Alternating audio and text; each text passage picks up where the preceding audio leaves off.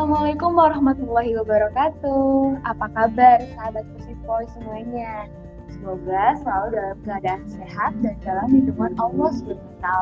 Amin. Gak kebetulan Ada pepatah, katanya tak kenal maka tak aruf.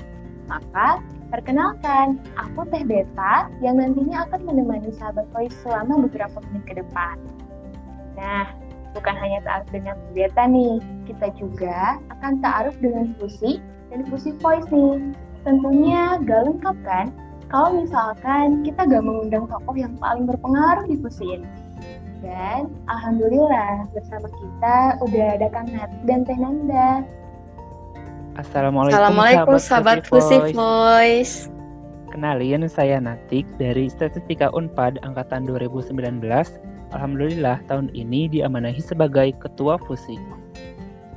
Kenalin, saya Nanda dari Statistika Unpad 2019. Alhamdulillah tahun ini diamanahi sebagai Koordinator Akwat di Fusi. Oke, Alhamdulillah ya sudah ada Kak Natik dan Teh Nanda yang akan memberikan pemaparan tentang Fusi ini. Mungkin langsung aja yang pertama dari pendengar Fusi Pos ini kan tidak hanya dari kalangan mahasiswa statistika Unpad juga ya Kang Teh, tetapi juga dari masyarakat umum yang mungkin belum tahu fusi itu apa. Nah, mungkin boleh nih dari Kang Natik atau Teh Nanda bisa menjelaskan secara singkat dari fusi itu sendiri. Oke, dari aku aja ya. E, jadi, fusi itu atau singkatan dari Forum Uhuah Studi Islam merupakan lembaga kemahasiswaan yang berada di statistika FMIPA Unpad yang berfokus pada pengembangan dalam bidang kerohanian agama Islam e, sama halnya dengan rohis cuman ya beda penamannya aja gitu Oke, terima kasih Kang Natik. Mungkin dari Teh Nanda ada yang mau ditambahkan? Ya, kurang lebih sama dengan uh, yang disampaikan oleh Kang Natik tadi sih. Uh, jadi secara singkatnya emang Fusi ini tuh uh, merupakan uh, lembaga seperti Rohis yang uh, sasaran dakwahnya itu adalah uh, Himasta di lingkungan statistika Unpad itu sendiri gitu. Nah, ya. Oke, mungkin kalau boleh tahu tujuan dari dibentuknya Fusi itu apa ya Kang Teh? Mengingat dari fakultas lagi tidak ada rohis himpunan, Nah, tujuannya apa? Tujuannya yaitu untuk berdakwah atau share-share ilmu agama yang dikhusus yang khususnya buat himasta. Tapi mungkin nih ada yang bertanya, tapi kan di Fakultas MIPA ataupun di Unpadnya itu udah ada tuh lembaga dakwah, kenapa sih di statistika juga harus ada? Nah, jadi itu tuh supaya lebih terarah agar dari fusi sendiri bisa men-share ilmu-ilmu agama yang mungkin masih banyak dari mahasiswa statistika yang masih melanggar aturan Allah kan kalau kita sebagai uh, mahasiswa nih bisa langsung lihat gitu uh, keadaan mahasiswa-mahasiswa statistika gimana sih uh, orang-orangnya gitu. Terus uh, selain itu juga agar ilmu-ilmu agama yang telah kita pelajari di ma di masa sekolah dari SD, SMP, SMA kan itu juga ada yang namanya PAI itu ataupun dari yang eh, MI, MTS, Madrasah Aliyah itu agamanya lebih luas gitu. Nah supaya di sekarang nih di kuliahan tidak lupa gitu bahwa di kuliahan itu masih ada uh, ilmu-ilmu agama. Dan seperti yang kita tahu bahwa ilmu agama ilmu agama itu uh, bahwa ilmu agama itu ilmu yang wajib dipelajari. Jadi jangan sampai lupa um, terus ada pepatah juga nih bahwa uh, jika kita mengejar akhirat maka dunia akan mengikuti. Uh, sama halnya dengan jika kita meminta gelas maka akan diberi gelas dan jika kita meminta air maka akan diberi air dan juga gelasnya. Jadi tujuan kita untuk di dunia itu ya tidak lain hanya untuk uh, memperbanyak ibadah kepada Allah karena tujuan akhir kita itu adanya di akhirat. Nah, dengan melakukan eh, hal-hal uh, tersebut, insya Allah ilmu-ilmu dunia atau urusan apa pun akan dimudahkan oleh Allah. Nah, iya bener banget nih yang disampaikan sama Kang Natik tadi. Jadi uh, memang Fusi itu sendiri sebagai media dakwah yang ada di Statistika 4 kan dan juga uh, Fusi itu juga berfungsi apa memiliki tujuan untuk sebagai fasilitator bagi teman-teman yang ingin bergabung nih dalam dakwah itu sendiri, terkhususnya bagi teman-teman Himasta yang mungkin ingin berkarya dan berdakwah di semasa. Juga eh, sebagai penjaga, penjaga dan pemberi asupan ruhiyah bagi teman-teman di lingkungan Himasta itu sendiri. Begitu. Wah, subhanallah ya, pemaparannya sangat jelas dan detail, jadi beruntung banget khususnya untuk teman-teman statistika yang punya wadah sendiri untuk belajar tentang ilmu agama. Nah, kalau boleh tahu nih Kang Teh, kan sekarang di sini mengusung nama Kabinet Ta'awun. Nah, kalau boleh tahu arti nama Kabinet Ta'awun itu apa ya Kang Teh? Ya, oke. Jadi uh, kata ta'awun itu sendiri berasal dari bahasa Arab yang berarti saling membantu atau atau saling tolong menolong.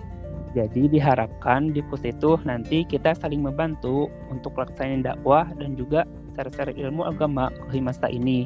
Mau dalam bentuk kegiatan kajian ataupun postingan-postingan di sosial media. Nih, karena e, jika kita ingin berubah, tentunya kita menjadi yang lebih baik atau agar bertakwa kepada Allah, Nah, melakukannya dengan sendirian itu sangat sulit. Asli sangat sulit. E, contohnya gini. Um, berdasarkan pengalaman ya. E, pas waktu sekolah pas saya diniatkan e, setelah istirahat itu mau sholat duha. terus pas sudah waktunya istirahat e, rasa ingin ke i, rasa ingin sholat duha tuh jadi enggak ada gitu jadi turun. Nah lalu ada teman saya yang mengajak uh, ngajak sholat duha gitu. Tik sholat duha yuk. Nah dengan kata dan cuma dengan kata-kata tersebut saja uh, keinginan saya untuk sholat duha ada lagi gitu. Nah itulah kenapa uh, kalau kita bersama-sama dalam um, jalankan ibadah kepada Allah itu akan lebih mudah Iya, jadi um, maksudnya kita di kabinet tahun ini itu adalah untuk saling berkolaborasi kan, seperti yang udah disampaikan oleh Kang Natik tadi untuk saling bahu membahu, saling membantu dalam mewujudkan kewajiban kita sebagai umat Muslim yaitu untuk berdakwah, menghasilkan dakwah yang sinergis dan pastinya untuk mendapatkan kebaikan dan ridho dari Allah Subhanahu Taala dan juga untuk menyebarkan kebaikan itu terkhusus uh, kepada teman-teman di Himasta. Begitu teh jadi ternyata ada makna dan harapan diri sendiri ya dalam arti nama jadi tahu yaitu saling berkomunikasi dan saling membantu dalam hal uh, memberikan dakwah dan statistika. Nah, ya Beta jadi lebih penasaran nih Kang misi uh, visi misi kalian atau apa sih yang mau dibawa uh, untuk visi ke awal apa ya Kang mungkin bisa dijelaskan oleh Kang atau Teh. Nah, dan nih jadi untuk visi untuk kabinet tahun ini mewujudkan mahasiswa muslim Himasta FMIPA Unpad lebih bertakwa. Bagaimana caranya itu dengan misinya yaitu ada dua menyiarkan nilai-nilai agama Islam kepada muslim Himasta FMIPA Unpad. Itu akan diadakan dengan uh, seringnya ada kajian ataupun sering postingan-postingan Islami di sosial media gitu Lalu yang misi yang kedua uh, mewujudkan Himasta Muslim FP4 aktif kompetitif. Itu bisa kita lakukan dengan diadainnya lomba-lomba Islami, terus diadain juga kuis-kuis sama um, tebak gambar gitu tentang Islaminya gitu.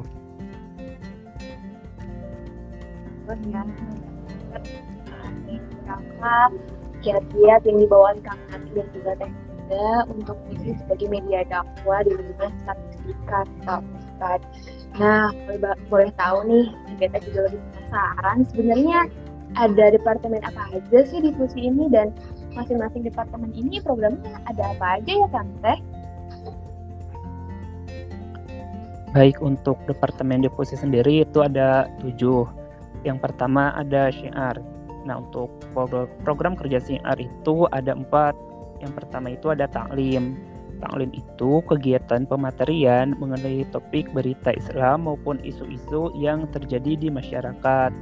dan ini tuh di uh, acaranya di sasarannya untuk mahasiswa muslim Himasta FFA 4 nah, lalu yang kedua ada SIF atau Statistik Islamic Fair yaitu kegiatan perlombaan antar angkatan di Himasta yang berkenaan dengan bidang keagamaan seperti hafidh, MTQ, dakwah kreatif.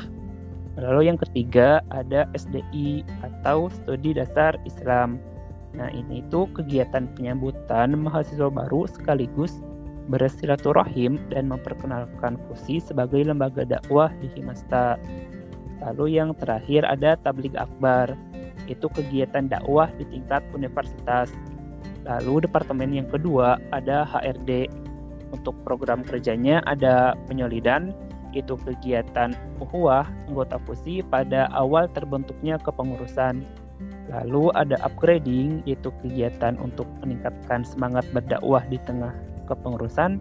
Lalu ada staf terbaik yaitu kegiatan memberikan apresiasi kepada staf terbaik FUSI dan yang terakhir ada museum yaitu kegiatan pertanggungjawaban pelaksanaan proker FUSI yang dilaksanakan di akhir kepengurusan. Lalu departemen yang ketiga ada mentoring.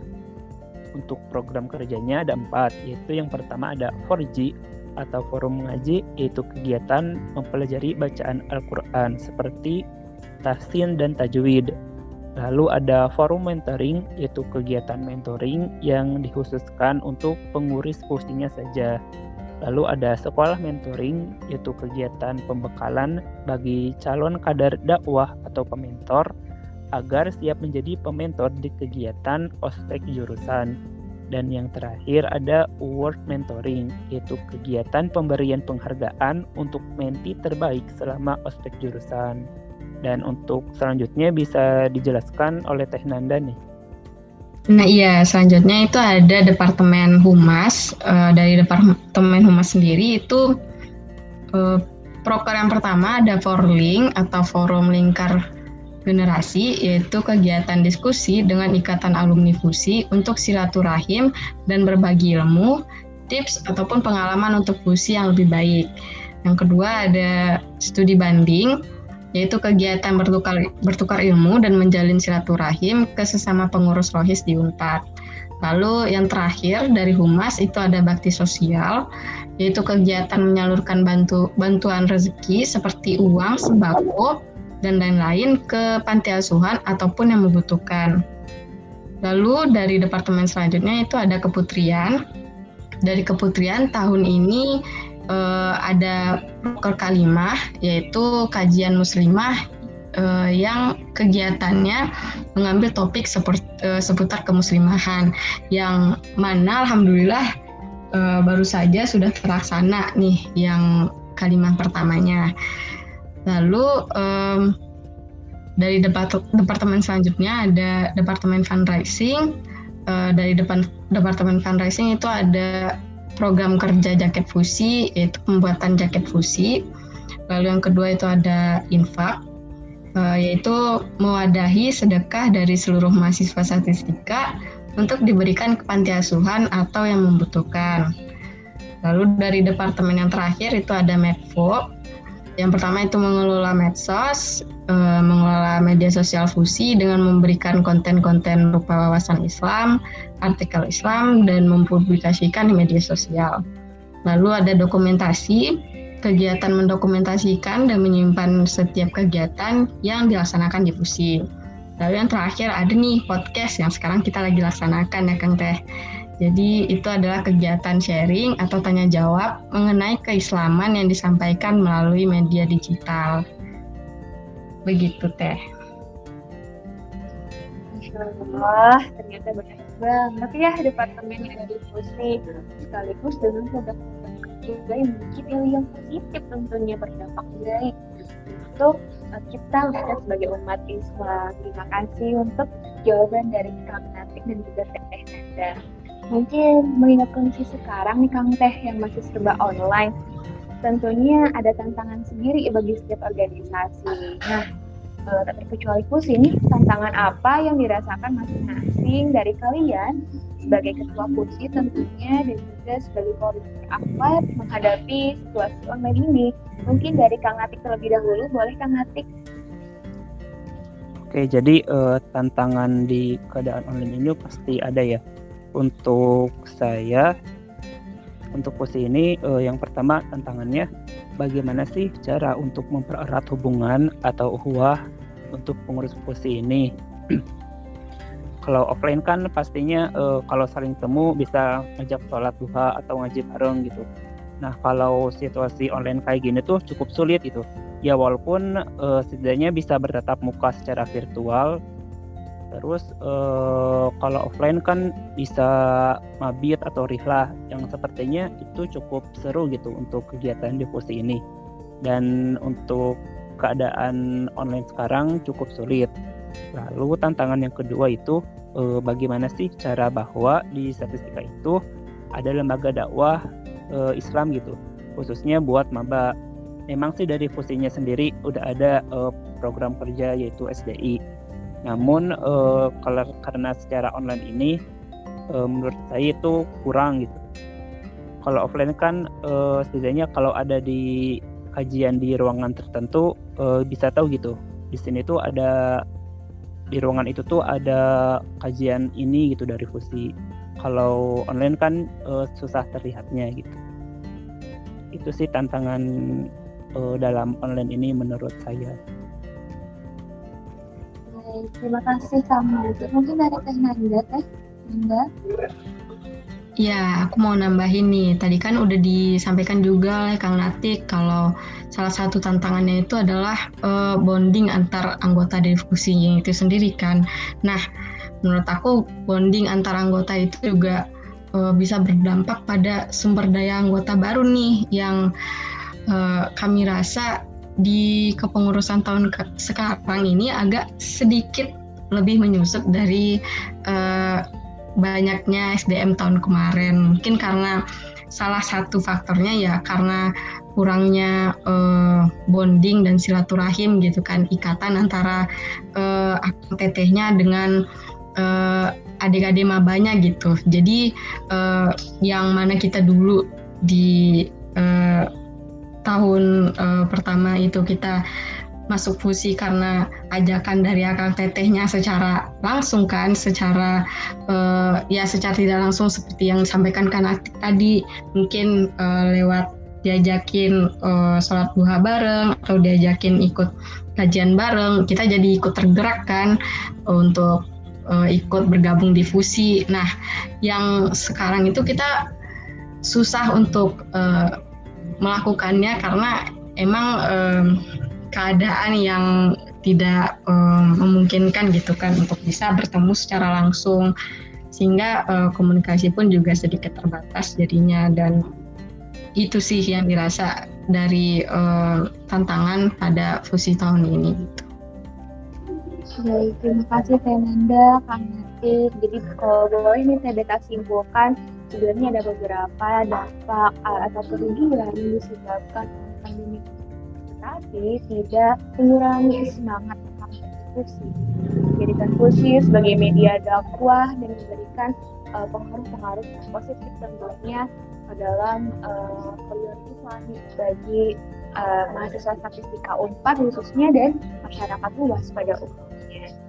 Nah, mungkin aku pengen dengar juga nih harapan masing-masing dari kalian baik Natuk ataupun Teh Anda pada posisi 2021 ini. Oke, jadi uh, saya dulu ya. Uh, untuk harapan saya, semoga uh, dalam keadaan jarak jauh gini atau secara online ini, uh, semoga uah kita bisa terjaga dengan baik. Nah, itu tuh bisa dengan ya walaupun online bisa dengan uh, pertemuan secara online minimal sebulan sekali gitu. Untuk isinya ya mau ngaji bareng online kajian bareng online uh, bahkan main games juga gak apa-apa gitu asalkan sering sering-sering ketemu gitu. Itu dari saya harapannya. Ya tambahan. ya. jadi um, harapan aku di fusi 2021 ini yang pertama sebelum ke fusi dulu deh harapannya supaya uh, bumi kita ini bisa kembali sehat seperti sedia kala gitu kan seperti sebelum sebelum sebelumnya ada pandemi ini. Sehingga kita dapat kembali bersua secara langsung dapat lagi uh, bersilaturahim uh, menjalin kualitas ukhuwah yang lebih baik lagi gitu kan. Uh, terus untuk harapannya ke fusi ya pastinya untuk uh, fusi lebih baik lagi di segala bidang baik dari uh, segi SDM-nya, dari kualitas dakwah yang disampaikan, dari karya-karya yang dihasilkan. Walaupun kita sekarang lagi dalam keadaan uh, yang tidak uh, tidak begitu baik kan, maksudnya uh, tidak bisa berkumpul dan tidak bisa bersua satu sama lain.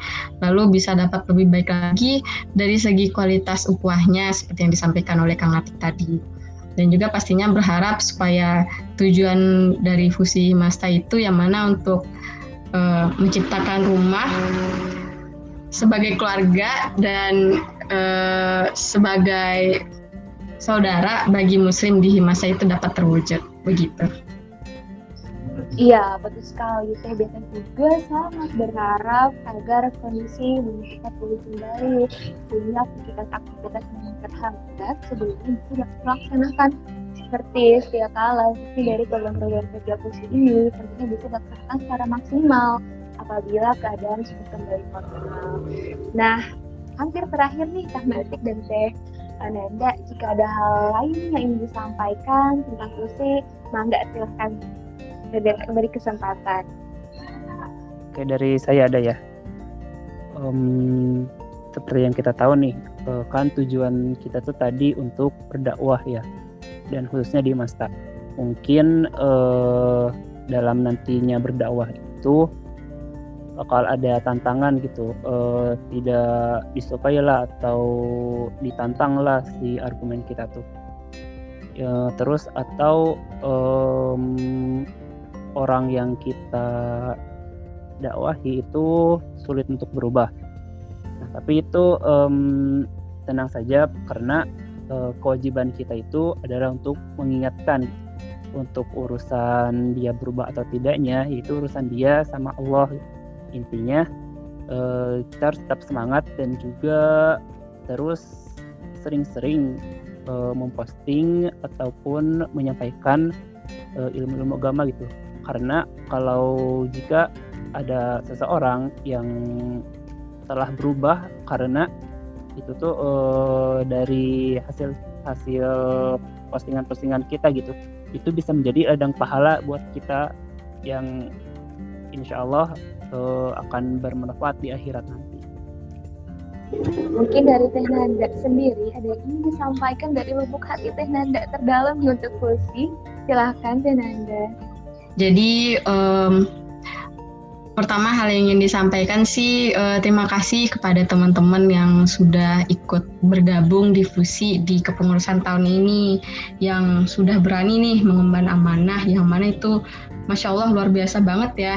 Dan um, fusi itu keren banget dah luar biasa uh, dan tetap berdiri nih sampai sekarang walaupun ada dinamika-dinamika sebelumnya tapi tetap uh, Allah kasih uh, izin untuk kita untuk tetap dapat uh, berdiri dengan orang-orang pilihannya. Jadi berharap Fusi untuk dapat jadi yang lebih menjadi versi yang lebih baik lagi ke depannya dan berserta orang-orang di dalamnya. Terima kasih Kang Nati dan juga Teh Nanda yang telah meluangkan waktunya untuk memaparkan sedikit banyaknya tentang Fusi nih. Semoga segala harapan baik untuk Fusi dapat terlaksana tahun ini. Amin ya Allah ya Rabbal Alamin. Terima kasih juga nih buat Teh Deta yang telah mengundang kami dalam uh, podcast pertama kali ini. Semoga buat podcast podcast selanjutnya dilancarkan dan juga dimudahkan. Amin ya rabbal alamin. Uh, sekian dari kami uh, kami pamir pamit undur diri. Wassalamualaikum warahmatullahi wabarakatuh. Waalaikumsalam. Gak kerasa juga nih sudah tiba waktunya Teh Beta undur diri. Tapi sahabat Pussy Voice jangan khawatir, kita akan bertemu lagi di episode Pussy Voice selanjutnya. Saya, Teh Beta pamit undur diri. Wassalamualaikum warahmatullahi wabarakatuh.